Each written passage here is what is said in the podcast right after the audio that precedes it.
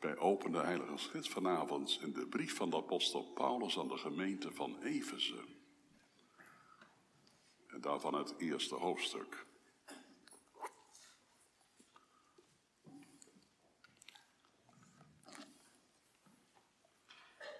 Efeze 1, waar we de eerste 14 versen lezen. Paulus, een apostel van Jezus Christus, door de wil van God, aan de heiligen en gelovigen in Christus Jezus, die in Efeze zijn. Genade zij u en vrede van God onze Vader en van de Heer Jezus Christus. Gezegend zij de God en Vader van onze Heer Jezus Christus, die ons gezegend heeft met alle geestelijke zegen in de hemelse gewesten, in Christus omdat Hij ons voor de grondlegging van de wereld in Hem uitverkoren heeft. Opdat we heilig en smetteloos voor Hem zouden zijn in de liefde.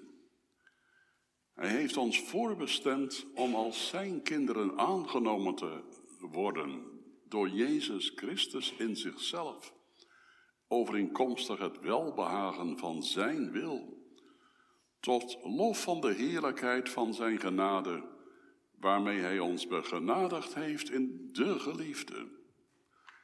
In Hem hebben wij de verlossing door Zijn bloed, namelijk de vergeving van de overtredingen, overeenkomstig de rijkdom van Zijn genade, die Hij ons overvloedig geschonken heeft, in alle wijsheid en bedachtzaamheid. Toen Hij ons, overeenkomstig Zijn welbehagen, dat hij in zichzelf voorgenomen had, het geheimenis van zijn wil bekend maakte. Om in de bedeling van de volheid van de tijden alles weer in Christus bijeen te brengen, zowel wat in de hemel als wat op de aarde is. In hem zijn we ook een erfdeel geworden. Wij, die daartoe voorbestemd waren, naar het voornemen van Hem die alle dingen werkt overeenkomstig de raad van Zijn wil, opdat wij tot lof van Zijn heerlijkheid zouden zijn. Wij, die al eerder onze hoop op Christus gevestigd hadden, in Hem bent ook u, nadat u het woord van de waarheid, namelijk het evangelie van uw zaligheid gehoord hebt, in Hem bent u ook, toen u tot geloof kwam, verzegeld met de Heilige Geest van de belofte, die het onderpand is van onze erfenis, tot de verlossing die ons ten deel viel, tot lof van zijn heerlijkheid. Tot zover de schriftlezing. De laatste twee versen vormen de tekst voor de prediking, vers 13 en vers 14. Gemeente, mag ik vanavond met een open vraag beginnen. Ik bedoel, ik open mijn hart voor u. En ik hoop u ook voor mij. Bent u, ben jij wedergeboren? Is dat een goede vraag? Ja, hoe zegt u dat dan? Uh, hoe bedoelt u dat dan voor uzelf, dominee? Nou, door Gods grote genade mag ik zeggen dat ik wedergeboren ben. En, en waar is dat begonnen, dominee? Dat zal ik je straks vertellen. Dat zal ik je straks vertellen. Want dan hebben we het ook over jou en over u. Dat staat in onze tekst. Maar eerst dit. Ik vraag dus niet of je een reformatorisch christen bent, of je een evangelische christen bent, of je een baptistische christen bent, of dat je een gerepareerd hervormde christen bent. Ik vraag of je wedergeboren bent. Als dat zo is, dan heb je iets geweldigs. Iets zo veelomvattend dat het niet in woorden uit te drukken is. Paulus die moet door Gods geest geleid er woorden aan geven en dan zegt hij, Gezegend zij de God en Vader van onze Heer Jezus Christus, die ons gezegend heeft met alle geestelijke zegen in de hemelse gewesten in Christus. Je voelt het, hè, die opeenstapeling van woorden. Ons is een schat aan zegeningen ten erfdeel als we wedergeboren zijn. Wat zijn die zegeningen? Nou, hij noemt er een aantal. U bent al voor de grondlegging van de wereld uitverkoren. Met als doel dat je eenmaal heilig en smetteloos voor Hem zal zijn in de liefde. U bent, jij bent al voorbestemd om als zijn kinderen aangenomen te worden in deze tijd door Jezus Christus, in zichzelf, verbonden in Hem.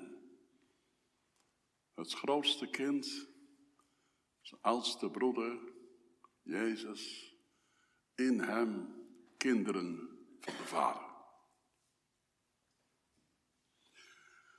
Overeenkomstig het welbehagen van zijn wil. Oh, wat die engelen zongen in mensen en welbehagen. Dat betreft jou en u. Waarom? Wat is het doel daar, daarvan? Tot lof van de heerlijkheid van zijn genade, waarmee hij ons begenadigd heeft in de geliefde. O, Jezus is zo lief. Is Hij ook jou en uw geliefde?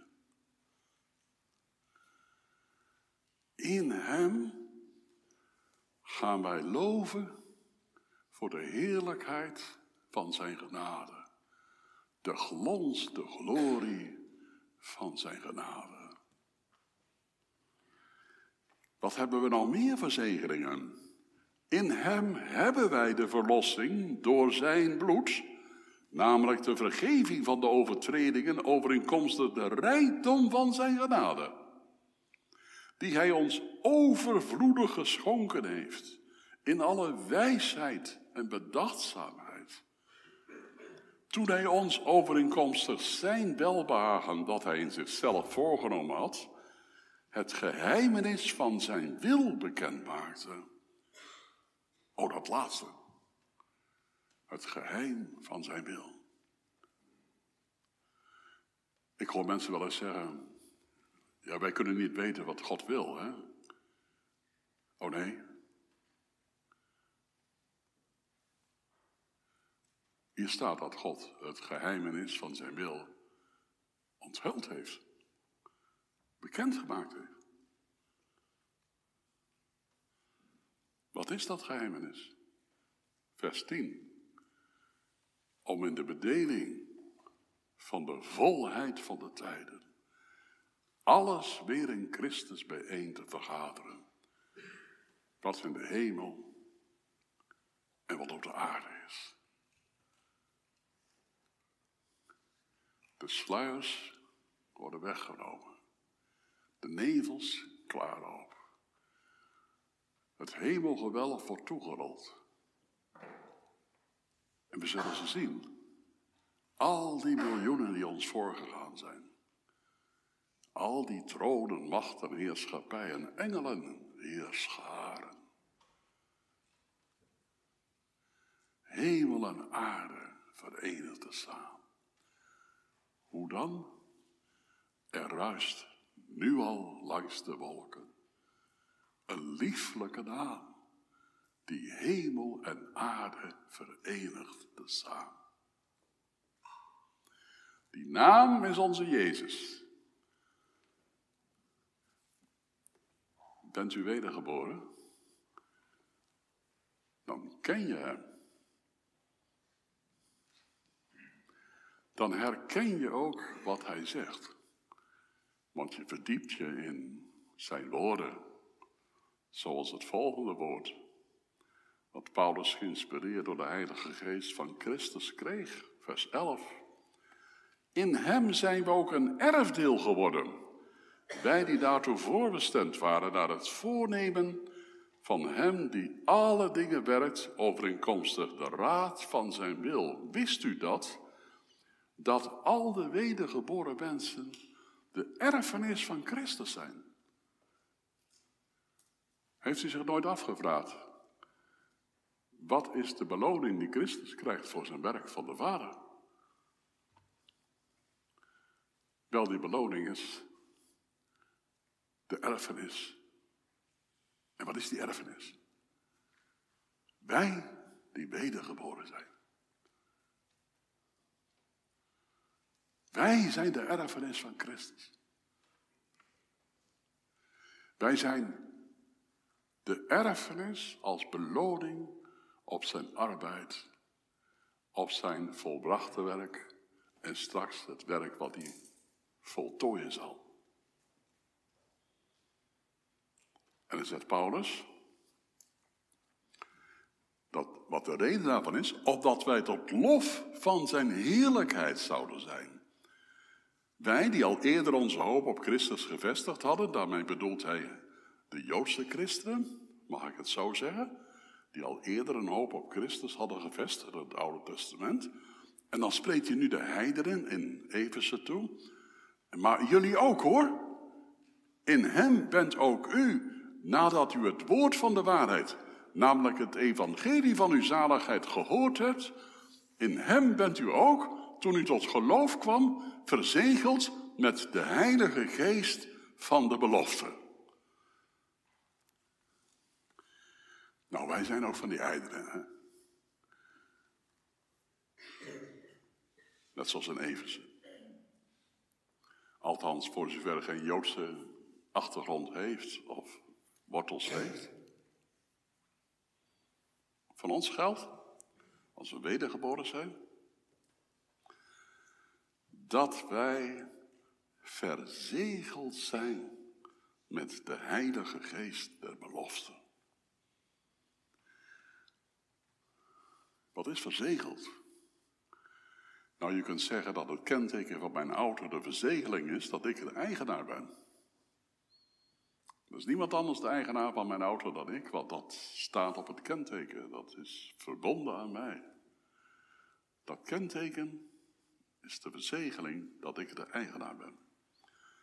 Als jullie naar de biep gaan en je leent boeken, dan staat er een stempel voor in dat de bibliotheek eigenaar is van het boek.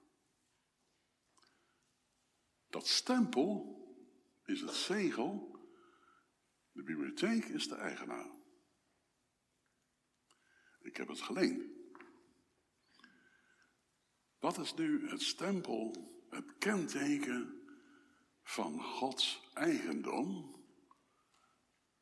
Zijn kinderen.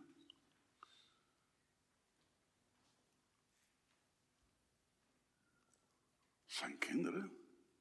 Ja. Spurgeon zegt, de tekst zegt niet dat de beloften verzegeld waren, maar u bent zelf verzegeld. Engelen, machten, tronen, heerschappij en al de zaligen in de hemels, voor zover ze toegang krijgen tot hetgeen wat op aarde gebeurt. Die zien alle wedergeboren mensen. En ze zeggen, zij zijn het zegel. De erfenis van Christus. Het zegel van de Heilige Geest. De Heilige Geest der belofte staat er. Meestal wordt dat uitgelegd als de beloofde Heilige Geest. Je kunt het ook anders uitleggen. De Heilige Geest die de belofte in ons hart en leven brengt van de toekomende eeuw. Van de erfenis die nog komt. Want Gods kinderen zijn zelf een erfenis, maar ze gaan ook met Christus het aardrijk beërven. Ze krijgen zelf ook een erfenis. De beloofde Heilige Geest verzegelt in ons dat we die erfenis zullen krijgen. Dat we kinderen en erfgenamen van God zijn en mede-erfgenamen van Christus.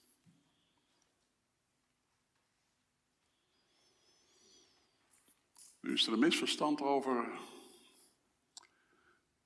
een stukje uit deze tekst, over die bezegeling. Er staat, toen u tot geloof kwam, bent u verzegeld met de Heilige Geest van de belofte. En ik ben heel blij dat de herziende statenvertaling de oude overzetting heeft verlaten. Want daar stond, nadat u tot geloof kwam.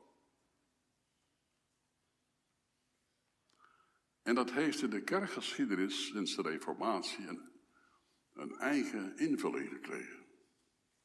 Calvijn niet, dat zal ik het zo nog vertellen. Maar na hem werd het zo, een mens komt tot geloof.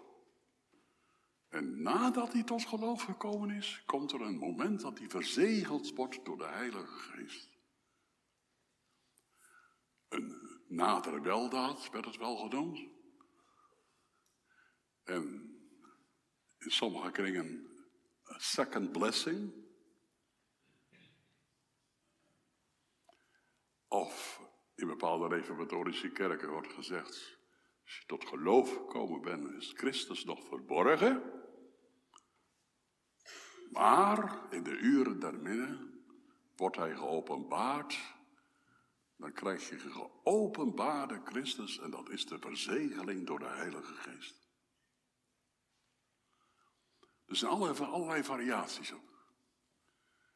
Het suggereert dat je als gewone gelovige iets mist, want je hebt de verzegeling van de Heilige Geest nog niet. Dat is een bijzondere openbaring, misschien door een crisis heen, een indrukwekkende gebeurtenis. En sommige mensen denken dan, als ik dat niet heb meegemaakt, dan ben ik niet echt bekeerd. In mijn jeugd werd al gezegd vanaf de kansel, heeft u de rechtvaardig in de vierschade conscientie al beleefd? Dat bedoelt eigenlijk hetzelfde te zeggen. Je bent wel tot geloof gekomen, maar je hebt nog niet de rechtvaardiging in de vierschade van de conscientie beleefd. De verzegeling door de Heilige Geest. Nou, de evangelische noemen dat en de Pinkstermensen second blessing. Is dat juist? Het klinkt heel bevindelijk, maar het is hinderlijk. Want in de grondtaal van Everse 1, en die heeft de herziene statenvertaling dus heel goed gevolgd, staat toen u tot geloof kwam in een taalvorm, voor degene die dat interesseert, het participium aoristus, die aangeeft op het moment dat je tot geloof kwam, ben je verzegeld met de Heilige Geest. Dus niet later, als een bijzondere openbaring, maar op het moment dat je tot geloof kwam, ben je verzegeld door de Heilige Geest. De kanttekening van de Statenvertaling leggen dat ook zo nader uit. Ze zeggen, wanneer vindt dat plaats, die verzegeling? Als gij geloofd hebt. Want deze verzegeling van de Heilige Geest geschiet door het geloof en op het geloof. En dan komt het. Het is de wedergeboorte. Nog eens. De verzegeling met de Heilige Geest, die begint als we tot geloof komen. En dat is de wedergeboorte. Bent u wedergeboren?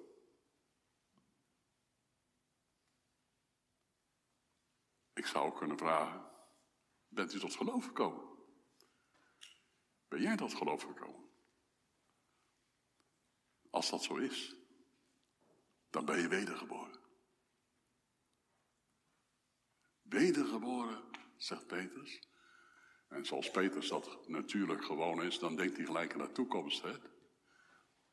Er zijn twee thema's in zijn brieven die, die altijd weer opnieuw klinken.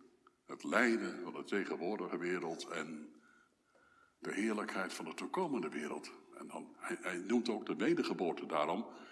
Wedergeboren tot een levende hoop. En met hoop bedoelt u niet misschien, maar die heerlijke toekomst. Het koninkrijk van God. Het vrederijk. Iemand die tot geloof gekomen is, is wedergeboren.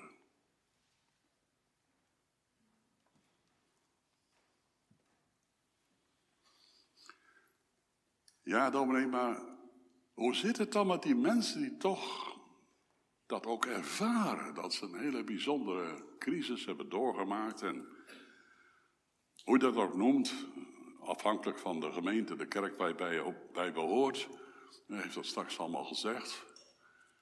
Als je dat nou hebt meegemaakt, dan is het dan niet zo dat je dat dan ook moet ervaren hebben. Nou, de Heer is vrij om zijn kinderen op allerlei manieren te leiden. Door zijn geest en woord. Smijter die zegt al, de een gaat langs de rand van de hel en bij de ander daalt meteen de hemel in het hart. Zo verschillend en alles wat ertussen zit. Maar moeten wij een crisiservaring hebben meegemaakt, een diep ingrijpende bevinding, om te weten of we echt wedergeboren zijn? Nou, als dat zo is, dan is Calvijn niet wedergeboren. Dan is vader Brakel niet wedergeboren. Dan is Matthew Henry niet wedergeboren. Dan is Wilfred Floor niet wedergeboren. En ook John Newton niet. Die hebben geen van allen crisiservaring gehad.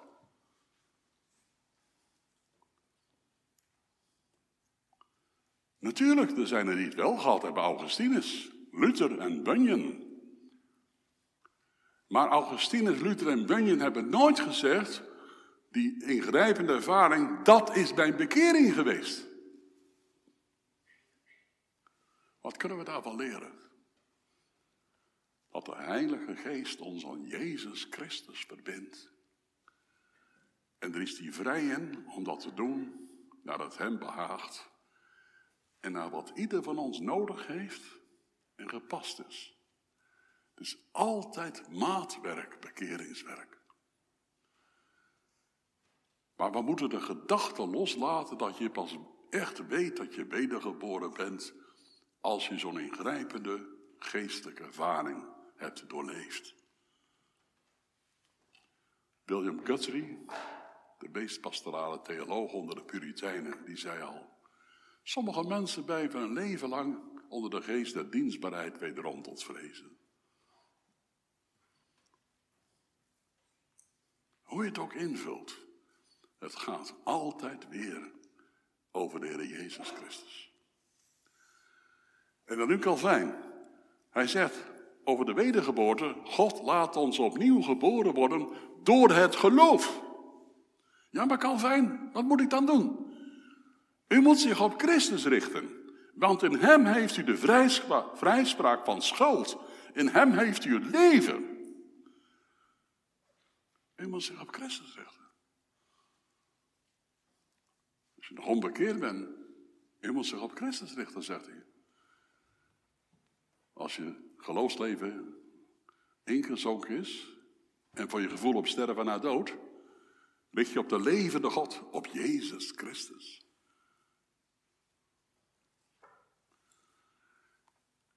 Ga niet zitten wachten op een bepaalde emotie.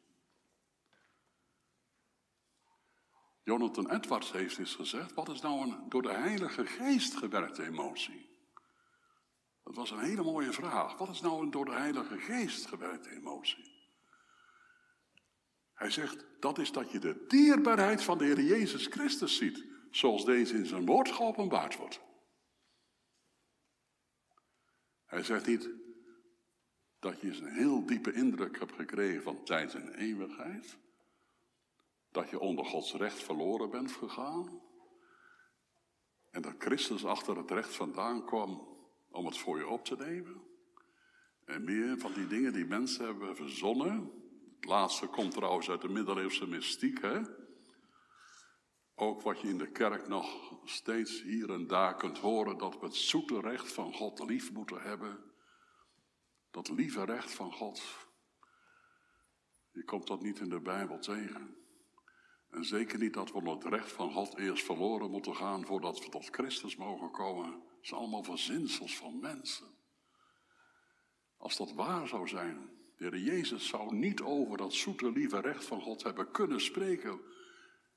Want hij ging eronder door, mag ik met eerbied gezegd zo, in Gethsemane, toen dat recht van God, de toren van God, zijn straffende gerechtigheid, alle bloed uit hem perste.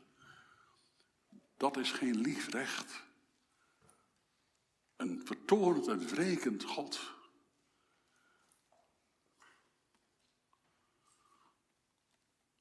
Maar als we op Christus blijven zien, die daar plaatsvervangend onderdoor is gegaan, dan zien we ook Gods reddende gerechtigheid.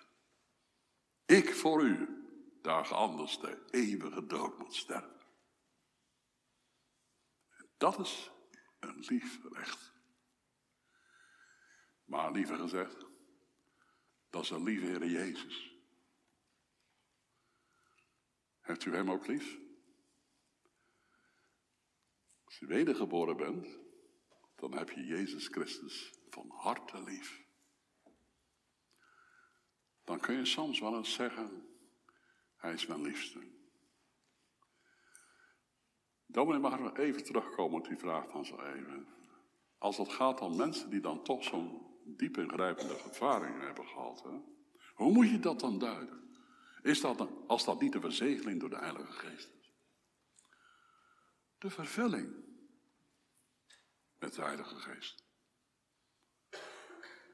De vervulling met de Heilige Geest. Als de Heilige Geest ons vervult, dan vervult hij ons met de Heer Jezus Christus. Dan weet je gelijk of je wel eens vervuld bent geweest van de Heilige Geest. Dan ben je vol van Hem. Dan heb je woorden nodig uit het hooglied bijvoorbeeld. Alles aan Hem is gans begeerlijk. Uw liefde is mij meer waard dan het fijnste goud op aarde. De vervulling door de Heilige Geest, dat zou je zo nadere weldaad kunnen noemen. Wat mij betreft een second blessing, maar ook een third blessing. Of een honderdste blessing. Want God geeft zijn kinderen regelmatig dat ze die vervulling gaan begeren. Dat is wat Jezus bedoelt als hij zegt, net zoals een vader zijn kind het eten zal weigeren, zal God de Heilige Geest weigeren aan degene die hem erom vragen. Dat bedoelt hij niet de wedergeboorte op zich, tot geloof komen, maar het leven met God. Om vervuld van Christus zijn. Professor Graafland destijds, die zei, je merkt dat als er bepaalde gaven in je leven werkzaam worden. De gave van de hulpverlening bijvoorbeeld. Een beetje een onbeholpen vertaling, de statenvertaling, behulpsels. Maar die bijzondere gave van het jezelf verloochenen en de ander zien, liefhebben, helpen. Graafland zei, die, die vervulling met de Heilige Geest, die werkt dat soort dingen uit. En ik denk dat hij gelijk heeft. Nog steeds, hij spreekt nog steeds nadat hij gestorven is. Ook vanavond weer. Nou, zeg eens, heb je dat nog nooit meegemaakt dan? Dat je dacht, ik ben nu in staat om iets te doen voor mensen wat ik, dat vroeger echt niet zou gekund hebben. Ik heb nu een bepaalde drive gekregen in mijn leven die ik voorheen absoluut niet had.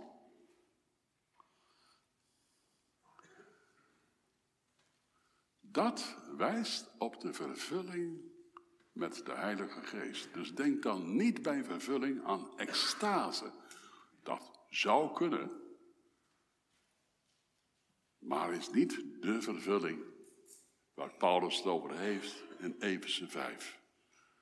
Hij zegt, word niet dronken in wijn, maar wordt vervuld met de Heilige Geest. Hij bedoelt te zeggen, als je dronken in wijn bent, ben je geïntoxiceerd, hè? dan ben je beneveld. Juist als de Heilige Geest vervult, word je nuchter. Want je gaat helder op Christus zien. En je krijgt helderheid over mensen om je heen. Er komt helderheid in je hart. Die nuchterheid, die helderheid. is het kenmerk van de Heilige Geest die vervult. Maar Dominic dacht dat als je wedergeboren bent, dat de Heilige Geest dan in je is komen wonen. Dat is juist. Vanaf het eerste moment dat een mens tot geloof kwam, is die verzegeld met de Heilige Geest.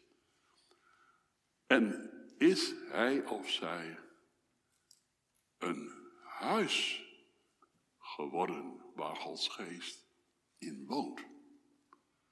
Een tempel, zegt Paulus zelfs. Weet gij niet dat uw lichaam een tempel is van de Heilige Geest? Maar nu leert Paulus ook in de Korinthebrief, 1 Korinthe 3, dat je wel wedergeboren kunt zijn en de inwoning van de geest hebben, en dat je toch onder de maat blijft. Hij noemt dat, dat zijn christenen die op het fundament Christus bouwen, hout gooien en stoppelen. Dat heeft dus geen waarde.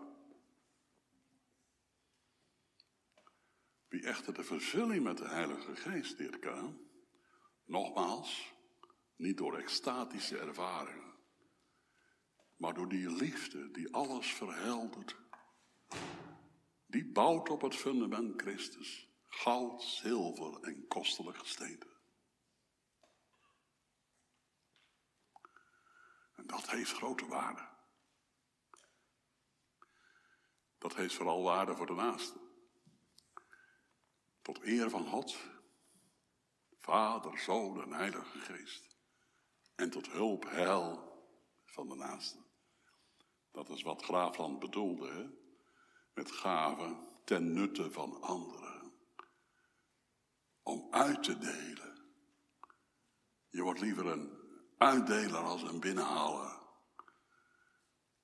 Je bent niet iemand die in de bevindelijke bubbel zichzelf koestert in het gevoel, ik ben een echt kind van God. Maar je bent iemand die open de aankijkt, zijn lot ter harte neemt, haar innerlijk belangrijk vindt en uitdeelt. Uitdeelt.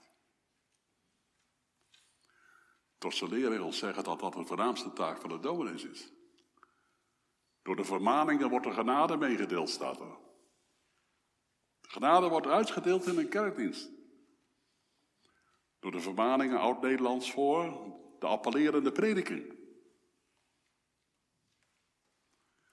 De Heilige Geest, als die vervult, worden we uitdelers, gedreven door de liefde. Spurgeon, het eerste, het beste en duidelijkste bewijs van onze wedergeboorte is dat we oprecht geloven dat Jezus is de Christus. Als je dan om een bewijs verlegen zit of je wel wedergeboren bent, dan zegt hij, het geloof is je geboortebewijs. Het geloof is je geboortebewijs. Maar dat heb je niet altijd in je binnenzak natuurlijk. Geloof is een relatie. En ze gericht zijn op de Heer Jezus. Ze luisteren naar Hem. Is een wandelen met Hem. Dat is niet iets wat ik in deposito heb. Bij een deposito is in de hemel. Waar Christus is. En al degenen die al ontslapen en boven zijn. Brakel. De wedergeboorte is als het mens voor het eerst in geloof tot Christus vlucht. Toevluchtnemend geloof heet dat. Als jij nou maar pas op de weg naar uh, de erfenis bent, de toekomst, dan kan de Satan je wel eens aanvechten met, is het wel waar? Wat doe je dan? Neem je dan de vlucht naar voren of naar achteren? De vlucht naar achteren is dat je probeert te traceren of er iets in het verleden is waar je op kunt steunen. Oh ja, toen en toen heb ik wel echt geloofd. En toen en toen heb ik iets gedaan wat voor God goed was en wat ook mensen goed gedaan heeft. Niet de vlucht naar achteren, de vlucht naar voren, naar de toekomst. Dan telt alleen wat ik gedaan heb in Christus. Luther zegt, was Christum treibt. Wat Jezus drijft, dat gaat je zelf ook drijven. De vlucht naar voren. De toevlucht, het toevlucht nemend geloof, is het bewijs van onze wedergeboorte. En dat was 14. Die het onderpand is van onze erfenis tot de verlossing die ons ten deel viel, tot lof van zijn heerlijkheid. Het woord onderpand kennen wij niet meer zo in onze tijd, wel waarborgsom. Bij het afsluiten van hypotheek heb ik me laten vertellen, want ik heb er zelf helemaal geen verstand van, moet je 10% aan voorschot betalen op de koopsom. Die 10% is de waarborgsom, heb ik me laten vertellen, ik hoop dat het juist is. En dat is het voorschot wat je moet geven. Het onderpand. Het voorschot. Wel, hier staat iets heel bijzonders. De Heilige Geest van de belofte, vers 13, die het onderpand is. Dus ze krijgen niet een voorschot op de toekomst door een bepaald gevoel, door te weten, de Heilige Geest die in mij woont, is mijn voorschot. Hij is zelf mijn waarborgsel. Er kan nooit meer iets tussen Jezus Christus en mij komen dat mij voor eeuwig van hem verwijdert. Vandaar dat Paulus kan zeggen, niets kan mij scheiden van de liefde van God en Christus geopenbaard. Hij wist dat ik ben verzegeld met de Heilige Geest. Ik heb het onderpand, de waarborg, de garantie in mijn eigen hart.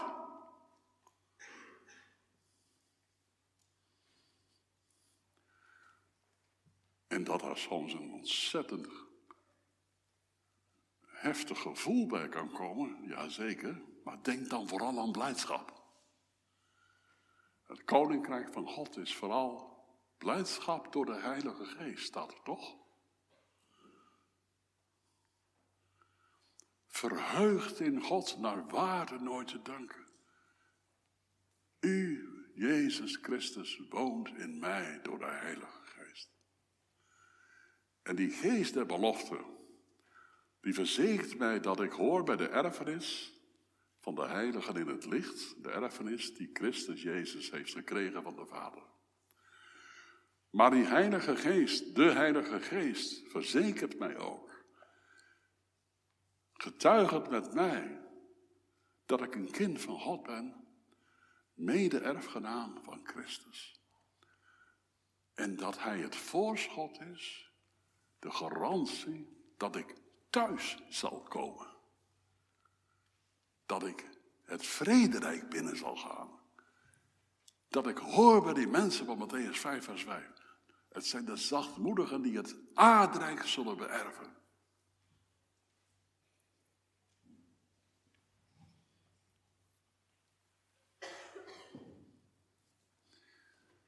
Het gaat hier dus niet over een bijzondere werking van de Heilige Geest, als dat woord onderpand valt, maar over de Heilige Geest zelf, die het onderpand is van onze erfenis, tot de verlossing die ons ten deel viel, dus in Christus Jezus en zijn volbrachte werk, in de toekomst tot lof van zijn heerlijkheid.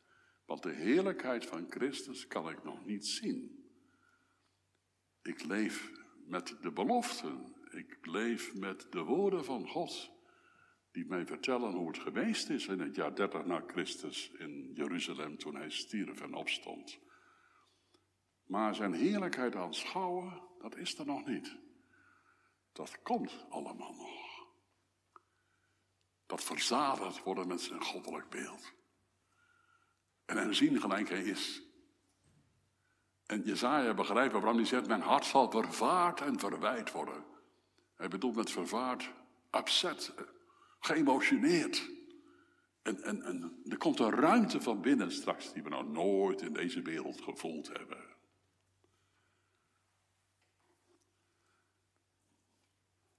Praktisch gezien, wat betekent dat voor ons leven van elke dag? De Jezus zegt, staat in Johannes 6, vers 27. Werk niet om het voedsel dat vergaat, maar om het voedsel dat blijft tot in het eeuwige leven, dat de Zoon des Mensen u geven zal, want hem heeft God de Vader verzegeld. De Heer Jezus is het eigendom van de Vader, verzegeld. En die heeft de bevoegdheid ontvangen om ons deel te geven aan de erfenis. Dat is het voedsel dat nooit meer zal vergaan. Het voedsel dat blijft tot in het eeuwige leven. Wat is dat voedsel? Heb je daar enig idee van? Waarmee worden we vandaag gevoed in het geestelijk leven? Oh, als ik, eh, dan denk ik gelijk aan die tekst uit het Oude Testament, dominee. Eh, ik bid het wel eens. Voed mij met het mij toegeschikte deel. Het brood mijns bescheiden deels, zoals er stond. Dus het brood, het geestelijk leven, dat is Christus toch? Ja. En hoe zal dat in de toekomst zijn?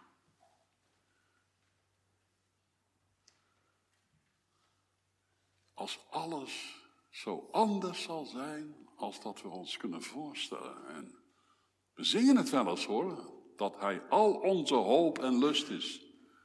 Maar laten we maar eerlijk zijn, dat is bij tijden en ogenblikken, toch?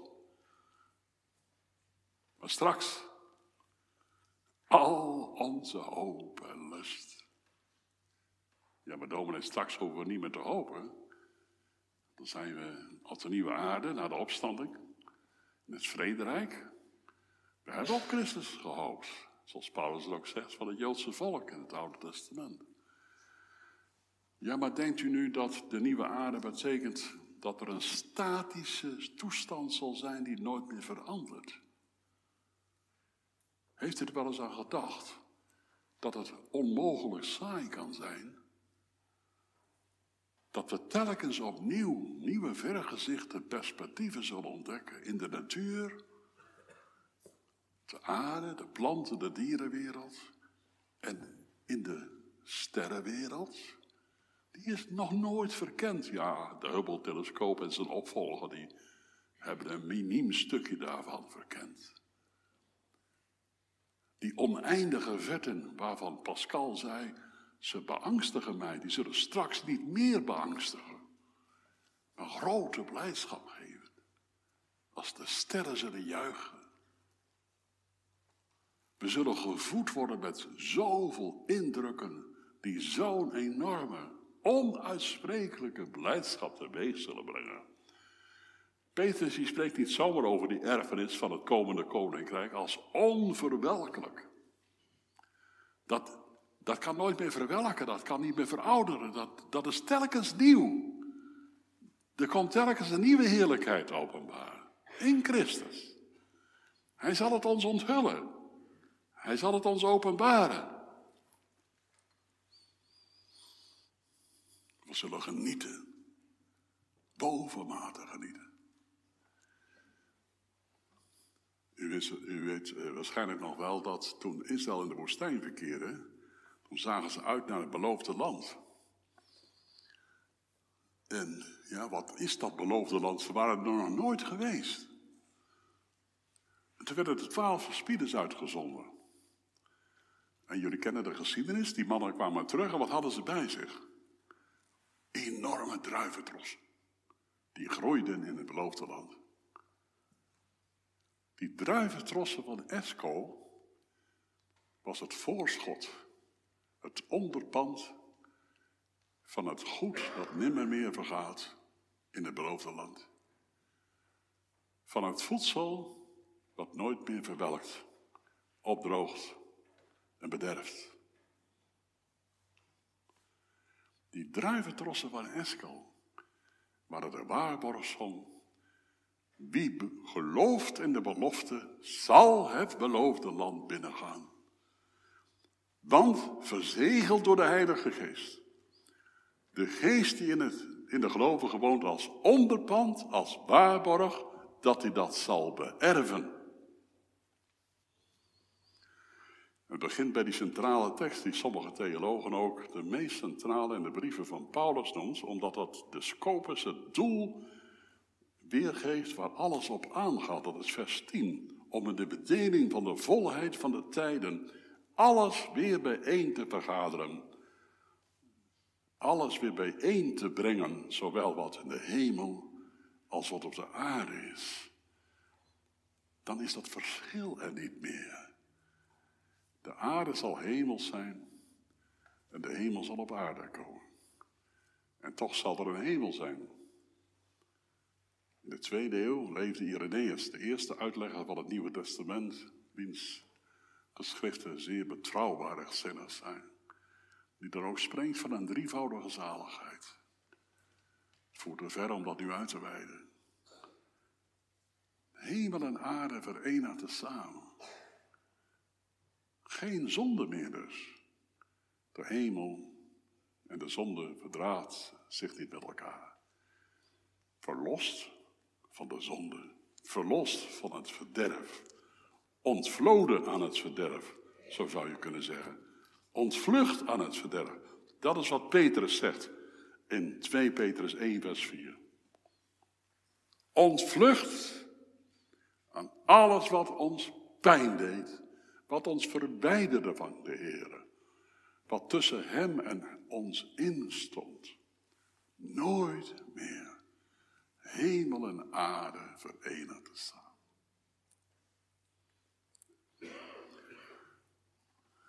Mag je helpen als je zegt, ik kan er nog niet zo erg bij. Ik blijf toch denken dat geloof iets is voor bijzondere mensen. Of bijzondere momenten. Ik heb nooit een geloof meer bewonderd als van Kandar. Misschien heeft u wel eens van hem gehoord. Kandar was enkele decennia geleden evangelist op Java in een Melaatse kamp, een leproze kolonie. Kandar was van zijn hoofdschedel tot zijn voedsel melaats. Zijn handen waren stampjes, zijn voeten waren niet meer aanwezig. Door de melaatsheid weggevreten. Kandar had geen familie, had geen vrouw, had geen kinderen, had geen huis. Het enige wat hij had was de sarong die hij aan had. Gerafeld en verbleekt. En hij zat in zijn hurk zit op de balabala, op zijn kleedje, tegen de rug, met zijn rug tegen de muur van de barak, van het kamp. Toen kwam dominee Silversmith binnen. De ouderen onder ons weten nog dat hij de hoofdvlootpredikant was van de Nederlandse marine. En dominee Silversmith kwam op werkbezoek en die bezocht dat kamp. Die keek naar Kanda en die zei niks. En toen probeerde dominee Silvers met een plaatje met hem te maken, maar het Lukte niet zo erg. En toen hij bleef wachten, toen zei ik, kan daar, dominee, ik ben maar zo gelukkig. Ik ben maar zo gelukkig. En voor de derde keer, ik ben maar zo gelukkig. Ja, Silversmith, wat moet je daarop zeggen? Een grote man was dat. Hè? Javaanse mannetje daar. Onooglijk naar de wereld. Stervende. Wat moet je dan zeggen als dominee? Dus hij draaide zich om om weg te lopen. En toen zei Kanda tegen hem: kan, Tuan Pandita, meneer de dominee, ik wil u nog wat zeggen.